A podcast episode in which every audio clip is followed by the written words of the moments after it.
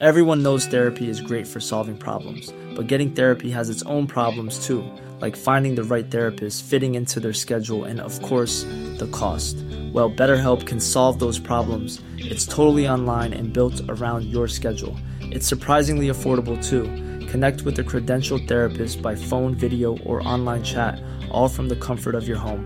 Visit betterhelp.com to learn more and save 10% on your first month. That's BetterHelp, H E L P.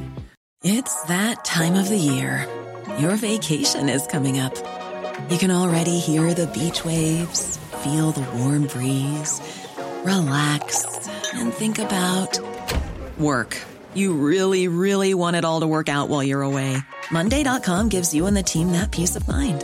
When all work is on one platform and everyone's in sync, things just flow wherever you are. Tap the banner to go to Monday.com. Burrow's furniture is built for the way you live. From ensuring easy assembly and disassembly to honoring highly requested new colors for their award-winning seating, they always have their customers in mind. Their modular seating is made out of durable materials to last and grow with you. And with Burrow, you always get fast, free shipping. Get up to 60% off during Burrow's Memorial Day sale at burrow.com slash ACAST. That's burrow.com slash ACAST. burrow.com slash ACAST.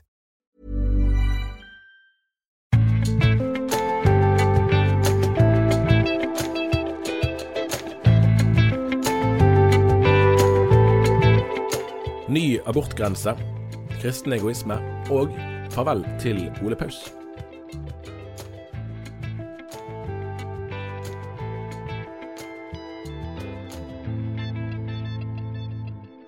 Det snør utenfor oss. Her i studio sitter Tor Hjalmar Sævik og meg sjøl, Tarjei Gilje, i det som blir en av de siste episodene av Tore og Tarjei i 2023. I dag, torsdag, like før vi gjør eh, opptak nå, så eh, kom et regjeringsoppnevnt utvalg med sitt forslag til justeringer av abortloven. Det mest konkrete skiftet som er ventet å få flertall i Stortinget, er vel at, at abortgrensen flyttes fra 12 uker til 18 uker, Tror jeg. Det det har vært ventet lenge, egentlig, og det har vel ligget i kortene noen år at det, at det ville komme. Det har jo vært stadig flere partier som har gått inn for å utvide grensa som ble vedtatt da i 1978, vel trådte kraft i 1979. Jeg tror altså det er samme år Så har vært, loven vært stabil omtrent siden det, så det begynner å ja. noen år siden. Ja. Eh, det har vært noen diskusjon om paragraf 2c og sånn, ja, som vi, vi, husker fra regjeringsforhandlingene under Erna Solberg. Men, men ellers så, så um, har lova vært stabil, ja. Og egentlig så har den internasjonalt vært sett på som et slags kompromiss, da. Eh, for du har jo hatt, eh, ikke minst som vi kjenner fra USA, abortlovgivning som har vært veldig mye mer liberal. Mm. Eh, og en også ser at det er tilsvarende i en del andre land. Men de, nordiske landene har jo um, vært forholdsvis restriktive i den forstand at de iallfall setter grenser tidlig. Men prinsipielt så endrer jo ikke det eh, det etiske problemet, eh, hvis en tenker at uh, livet starter med unnfangelsen. Her er jo et, et, et poeng òg at, at, sånn umiddelbart så er det vel ikke sannsynlig at denne endringen, eh, hvis den trer i kraft når den trer i kraft, at den i seg sjøl vil føre til noen store endringer i aborttallene. For det som er Poenget er vel bl.a. at disse nemndene, som har vært viktige i, i mange år og lenger enn vi har hatt den nåværende abortloven, at de i praksis eh, får de som søker abort der, eh, støtte i nesten alle tilfeller.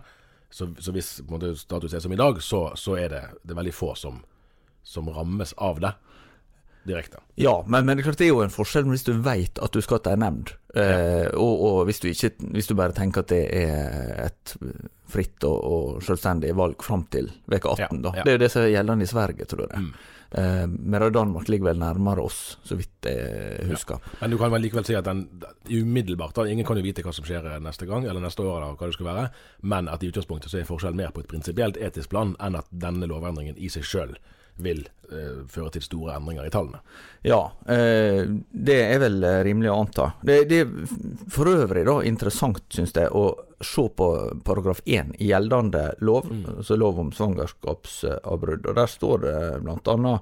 at eh, som et eh, Paragraf 1 lyder som følger. Samfunnet skal så langt som råder sikre alle barn betingelser for en trygg oppvekst, som et ledd i dette arbeidet skal samfunnet sørge for at alle får etisk veiledning, seksualopplysning, kunnskaper om samlivsspørsmål og tilbud om familieplanlegging, for derved å skape en bevisst, ansvarsbevisst holdning til disse spørsmål, slik at antallet svangerskapsavbrudd blir lavest mulig. Nettopp. Så det er et mål at det skal skje færrest mulig aborter. Ja. Står i loven. Og, og det er usikker på om eh, Eller det er ganske Det sikker på spørs om den ikke ville stått. paragrafen overlever.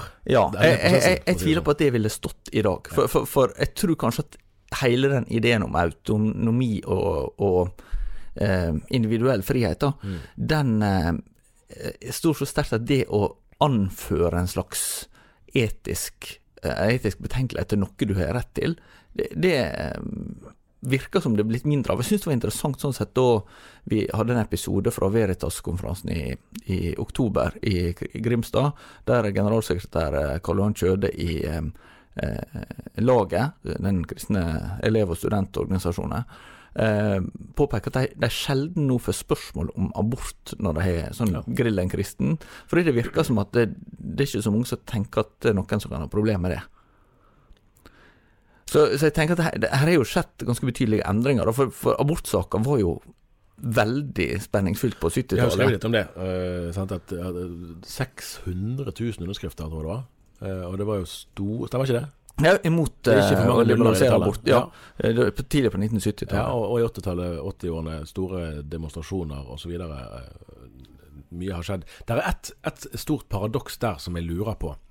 Eh, Og det at, og dette husker jeg, jeg, jeg satt selv og snakket med, med eh, Han ble kjent som abortpresten eh, Børre Knutsen for nesten 20 år siden, vel. Og, og da var jo antagelsen hos flere abortmotstandere at etter hvert som kunnskapen om fosteret, altså den medisinske kunnskapen om fosterets utvikling, kom lenger, så ville flere forstå at det systemet vi har bygget opp, er, jo Det funker ikke. Dette, dette er jo etisk helt uholdbart.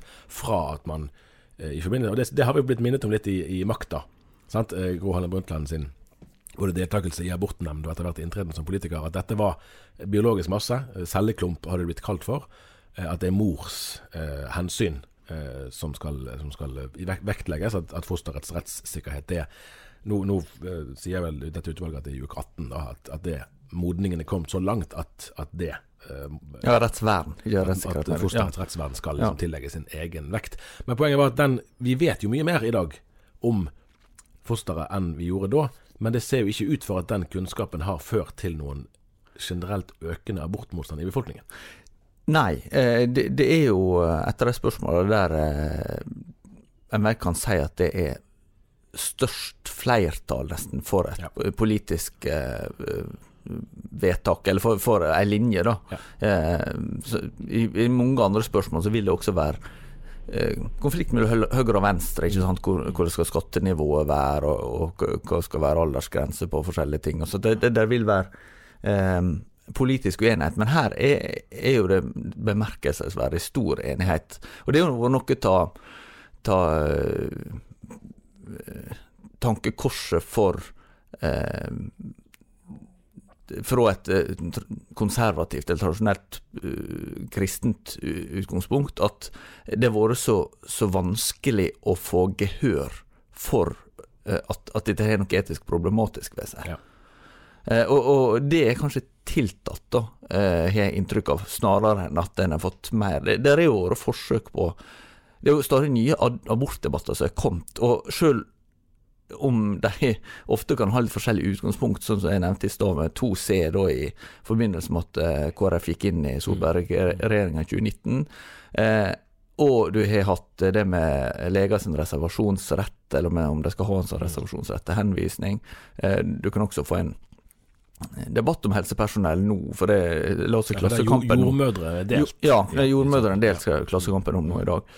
Og dermed så, så eh, kommer det stadig opp igjen, men det er jo veldig ofte sånn at om en har et konkret spørsmål en diskuterer, så går debatten veldig fort tilbake til er dette rett eller ikke rett.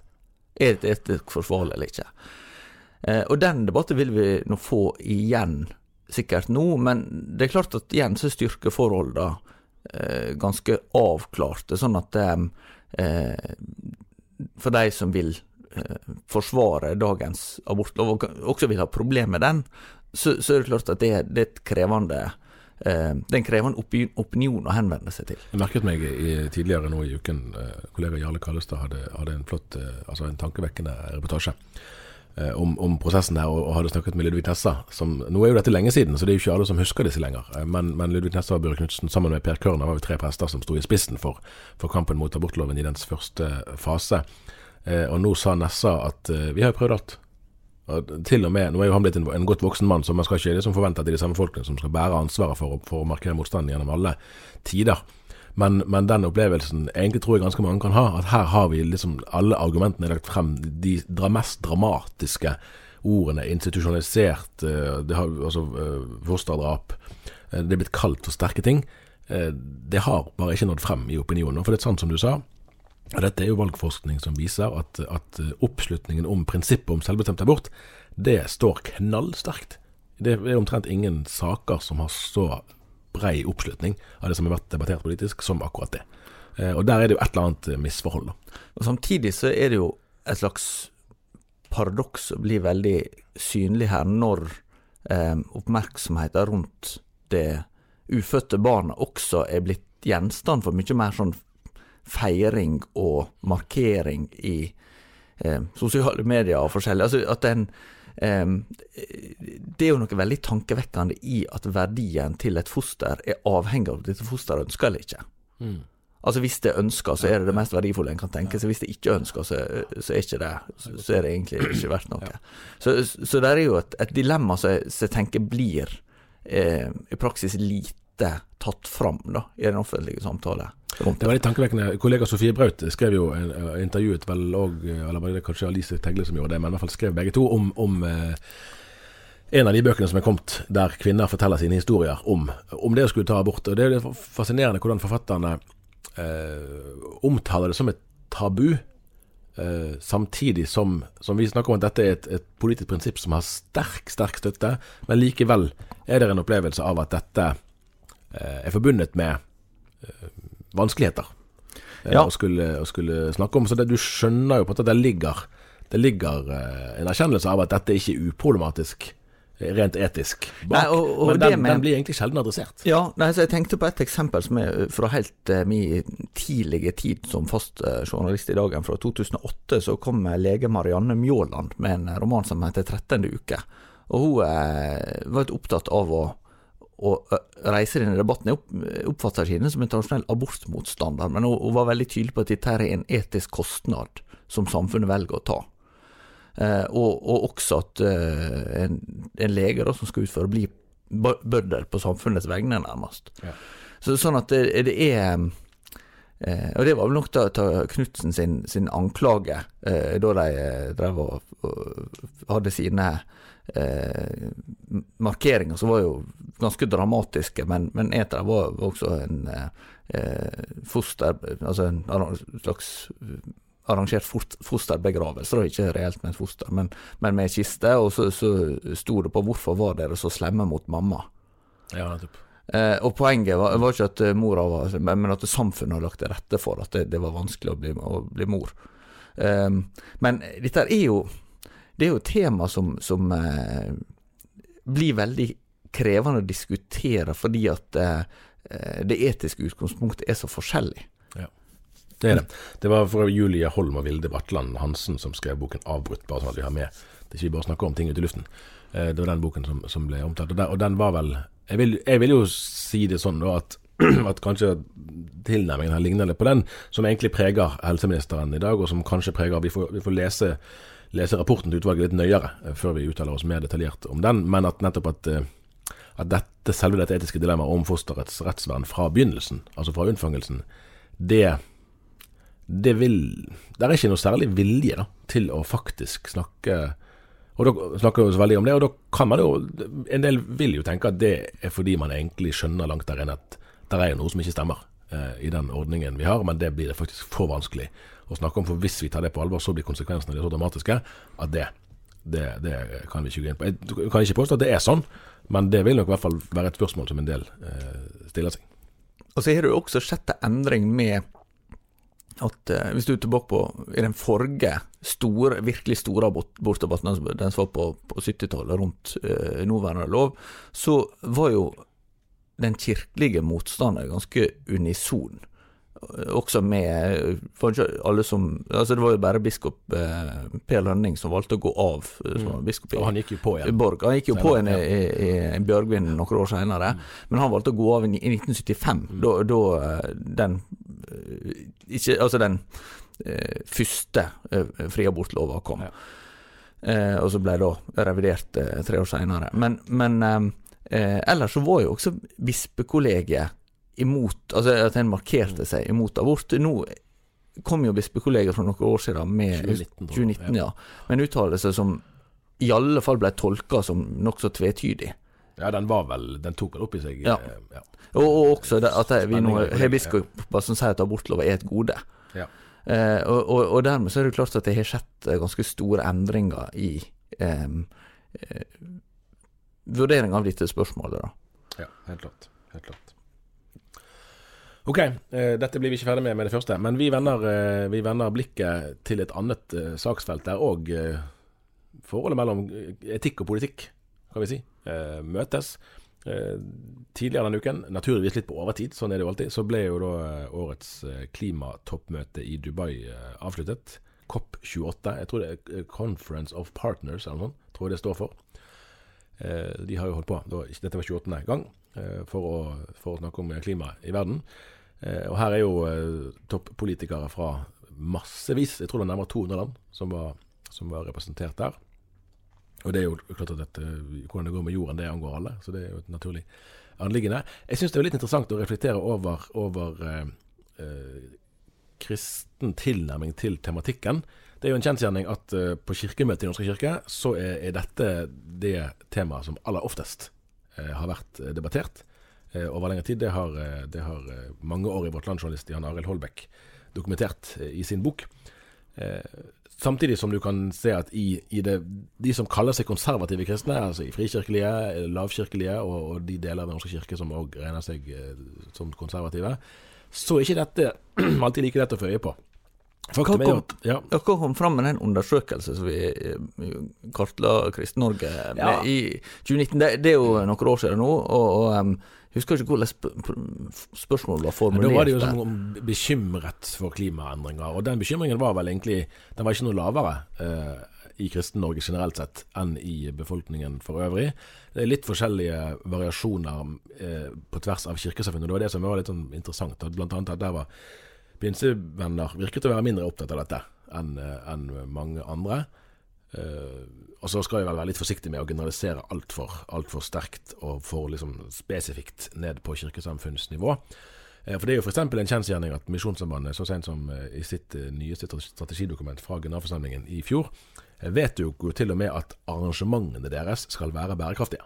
Altså, Da snakker vi jo helt ned på bruk av engangsbestikk. Altså at selve arrangementet isolert sett skal faktisk være, være bærekraftig. Eh, Det vitner jo om, om en endret tenkning. De hadde ikke vedtatt det tror jeg for 10 eller 20 eh, år siden.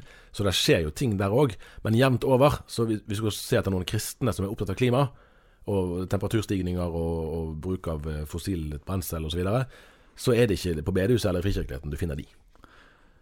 Som regel. Eh, vi har henta inn litt høringssvar fra noen instanser som skal få være anonyme, men vi, vi har fått litt innspill, da. Flere synser bedre enn få. Ja. eh, og, og, for dette her kan jo henge sammen med mange forskjellige ting. Eh, det det, det, kan om, det kan handle om eh, teologi, det kan handle om økonomi, det kan handle om, om eh, måtte hva eh, Hvem en har tillit til, rett og slett. Ja. Eh, og, og det kan handle om hele liksom virkelighetsforståelse knyttet til det, ja, det politiske. Eh, det, er de debattene og det kulturklimaet da, som vi lever i.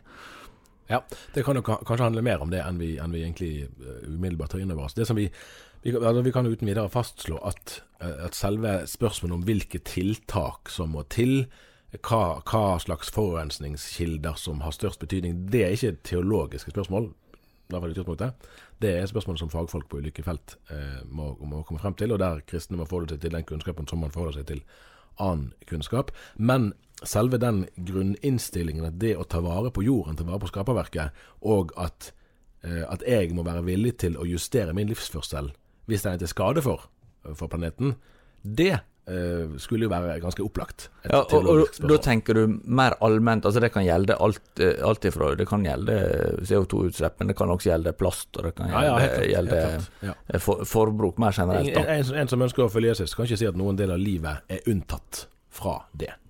Eh, sant? Og, og, og helt fra første Mosebok leser vi at vi er gitt jorden for å ta vare på den, og vårt vitnesbyrd altså som kristne om, om hvordan, altså på alle felt, eh, hvordan vi lever livene våre, forteller jo noe om hva for noen verdier som er viktigst eh, for oss. Og hvis vi viser med vår livsførsel at vi er likegyldige og Det kan jo òg like mye handle om fattigdoms... eh, altså, eller for den saks skyld kan du eh, Ja, du kan tenke på ulike nødssituasjoner, da.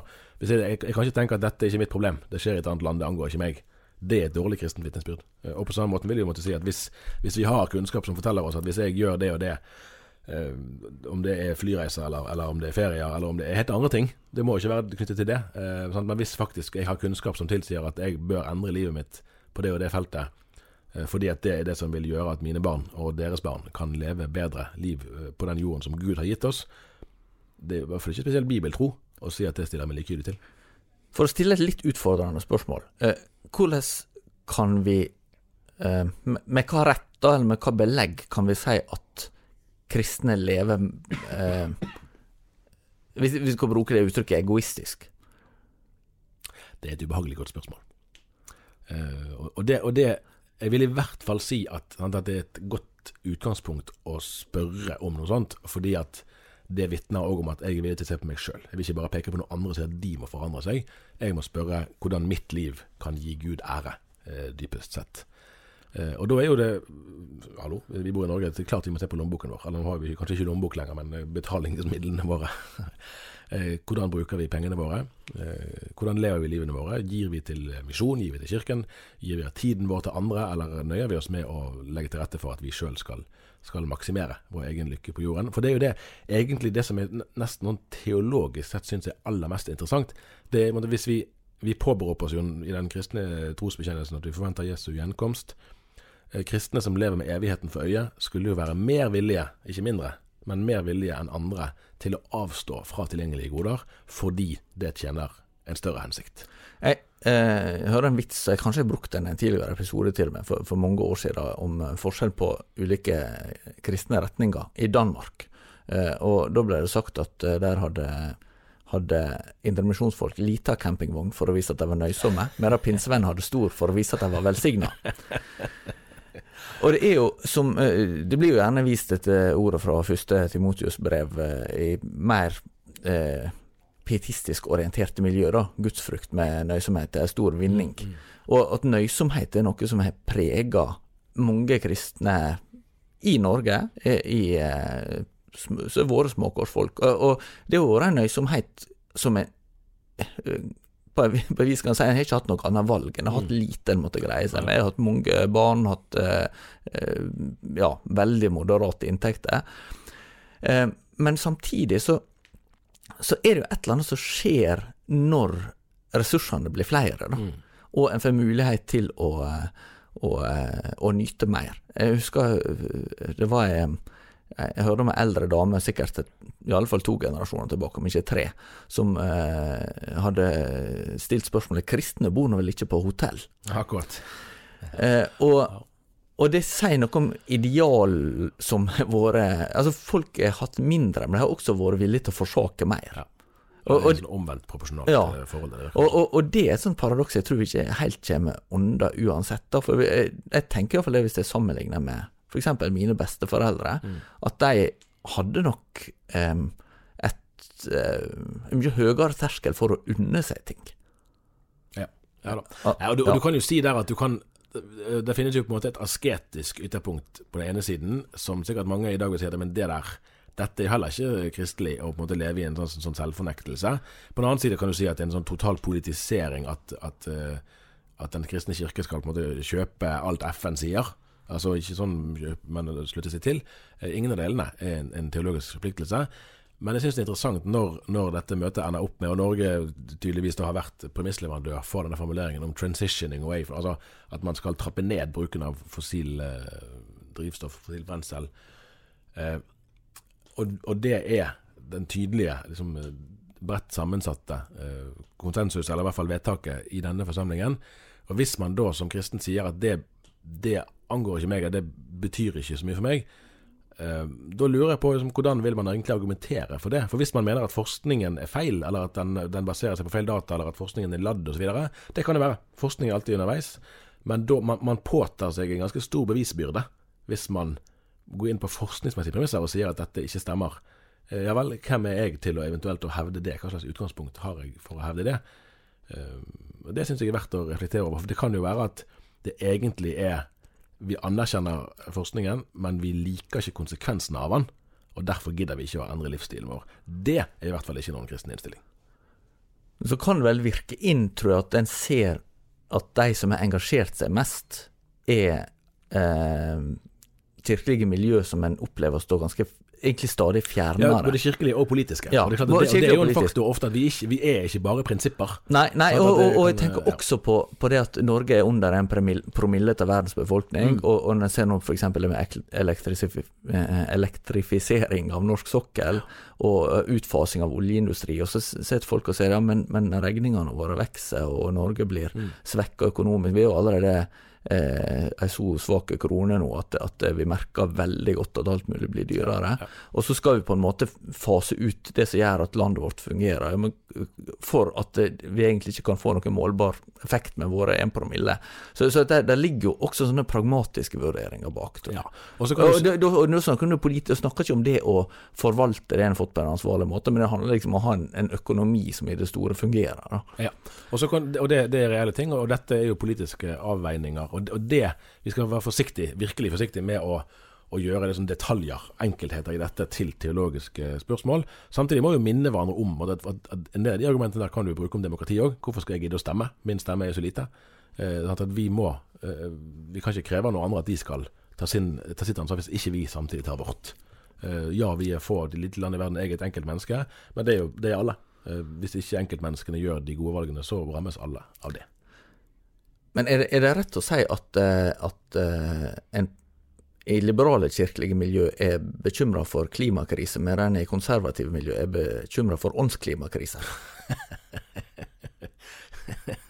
ja, det, det, egentlig tror jeg du kan si det. Og der, der er jo noen Vi skal rekke å snakke litt om Ole Paus også, vi må ikke, vi må ikke bruke opp all tiden på dette. Men, men der, er jo, der er jo noen eh, eh, sånne lange linjer i hvorvidt eh, kristendommen òg forstås i samfunnsperspektiv, eller hvorvidt den i større grad forstås som en, en åndelig ting, altså i betydningen for mitt forhold til Gud og min nestes forhold til Gud. Eh, og Der er det jo verdt å, å minne om at til og med altså når Bergens Indremisjon ble startet her på 1800-tallet, så, så var jo på en måte den, den diakonale siden, det å møte nøden i husene rundt der der folk barn lå og fikk ikke stell, f.eks. Altså helt sånn konkret. Det var sett på som en integrert del av det kristne kallet. Det var ikke sånn at evangeliet kun handlet om å forkynne til frelse, og så fikk de, folk leve sin liv i fred. Man var i høyeste grad til stede, og eh, sosialt. Eh, og det, det skulle ikke være noe kontroversielt å hevde at det òg eh, kommer til anvendelse på et eller annet nivå eh, på dette feltet her. Da går vi over i siste bolk. Den blir ganske kort, men, men vi syns vi måtte si litt om artisten Ole Paus som døde denne uken, Tor Almar. Ja, han har jo de siste åra blitt en slags eh, Hva skal en kalle det? Eh, I alle fall blitt omfavna av miljø som han i sin ungdom skjelte ut. ja, vi, husker ikke så langt tilbake. Nei, vi er litt for unge til det. Vi, ja, ja, men, men altså, jeg, jeg husker nok ikke, men, men det er klart at, at han hadde ganske ramsalte oppgjør med, med ja, navngitte kristenledere. ledere. Vi har jo drevet sett litt på sånne gamle videoer, blant annet. Det var jo en sånn, det, den var jo veldig kjent i sin tid. Den tidlige 80-tallet var det en sånn eh, ek- eksorsismesak, kan man vel si, eh, på Os, det som nå er Bjørnafjorden kommune eh, utenfor Bergen her. Eh, og, og I den forbindelse så var han på TV og hadde en sang som het 'Satan lever'. Ja. Eh, som jeg tror ble, ble eh, Vi snakka med en uh, som hadde foreldre som, som hadde opplevd å høre en som lørdagsunderholdning på TV, og helt sånn slått ut hvor sjokkerende dette her Ja, var. for da må vi forstå det òg, at den slo nok sterkere da enn den ville gjort i dag. Ja. Uh, for det var jo en, en kritikk av uh, Indremisjon. Indremisjonen, egentlig. Ja, ja, helt eksplisitt i Ja. sangen. Ja. Og, og eh, s- samtidig så kom det etter hvert fram da eh, altså Ole Paus var med på ei salmeplate da, med Kari Bremnes og Mare Boine, var det det? 'Salmer på veien hjem'. Det. Kom sånn mm, tidlig på 90-tallet, så vidt jeg husker. Eh, Hun blir hos meg ble jo sitt glansnummer med rusten røst, kan en trygt si. Ja, det er veldig flott. Ja. Altså, han, jo, eh, han hadde jo et veldig særegent uttrykk. Mm. Eh, og så eh, hadde han jo eh, et intervju her i avisa for ti år siden, eh, i forbindelse med besøk på, på Mysen i pinsemenigheten der i Østfold. Og Eller nå heter det vel Viken der, eh, enn så lenge. Ja, det har det. Ja. Ja. Um, men, men iallfall så, så var det eh, sånn at, at Paus blei litt mer sånn husvarme i de kretsene. For at han snakka opp om det med gudstru, og at han eh, i det intervjuet så, så syntes han at pinsevenner var gjenstand for mange fordommer, og at det var mye godhet der. Han engasjerte seg mot surrogati. Han laga en sang som med refrenget sur, 'Surrogati til tei'. Surrogati ja, Jeg husker ikke helt eh, hvor det gikk, men det var litt sånn nyskapende, da. Eh, Med en kritikk av Jonas Gahr Støre. Eh, så og, og, han, og han eh, sto jo fram som KrF-ambassadør. Så, sånn at Samtidig som han, kunne være, han var ganske ram med Kjell Magne Bondevik som statsminister. Ja, ja, han laga også en sang om Bondevik ja. så, som handla om det hvem Bondevik det sånn. ønska å bli fotografert i lag med av verdens kjendiser. Sånn at han, han, han var jo ikke lett å sette i bås, men jeg lurer på om nettopp det er noe dere ser at eh, eh, Paus blir eh, stående som en, slags identifikasjonsfigur for flere. Ikke minst uttrykt i den der eh, sangen 'Det begynner å 'Liggende en bønn'. Ja, ja. Eh, og jeg lurer på om kanskje vi skal unne oss eh, noen få linjer fra den, eh, så mot sluttet her, og rett og slett ta en liten eh, eh, En liten, dikt, liten diktlesning, kan du si. Litt dikt. Det blir jo det. For jeg tror det er sant det er at han tar opp i seg eh, noe av det som dypt norske. Ja, og egentlig rett og slett eh, et slags gjenkjennelig behov for, eh, for nåde. Ja, ja. Kom. Hvem kommer til meg når andre går bort? Hvem blir igjen? Hvem våger å se bak alt jeg har gjort, og likevel kalle seg venn? Hvem orker se meg som den jeg er, og elske meg som en sønn? Det begynner å bli et liv, dette her. Det begynner å ligne en bønn. Så leser vi siste, da. Hvem vil ta meg inn til seg når det blir kaldt? Hvem vil si du er av meg, jeg elsker din sjel gjennom alt? Hvem orker se meg som den jeg er, og elske meg som en sønn? Det begynner å ligne et liv, dette her. Det begynner å bli en bønn. Det er nesten rørende, det der. Vi får la det stå. Vi gjør det. Og så kommer vi tilbake neste uke. det er det grunn til å tro. Ha det bra så lenge.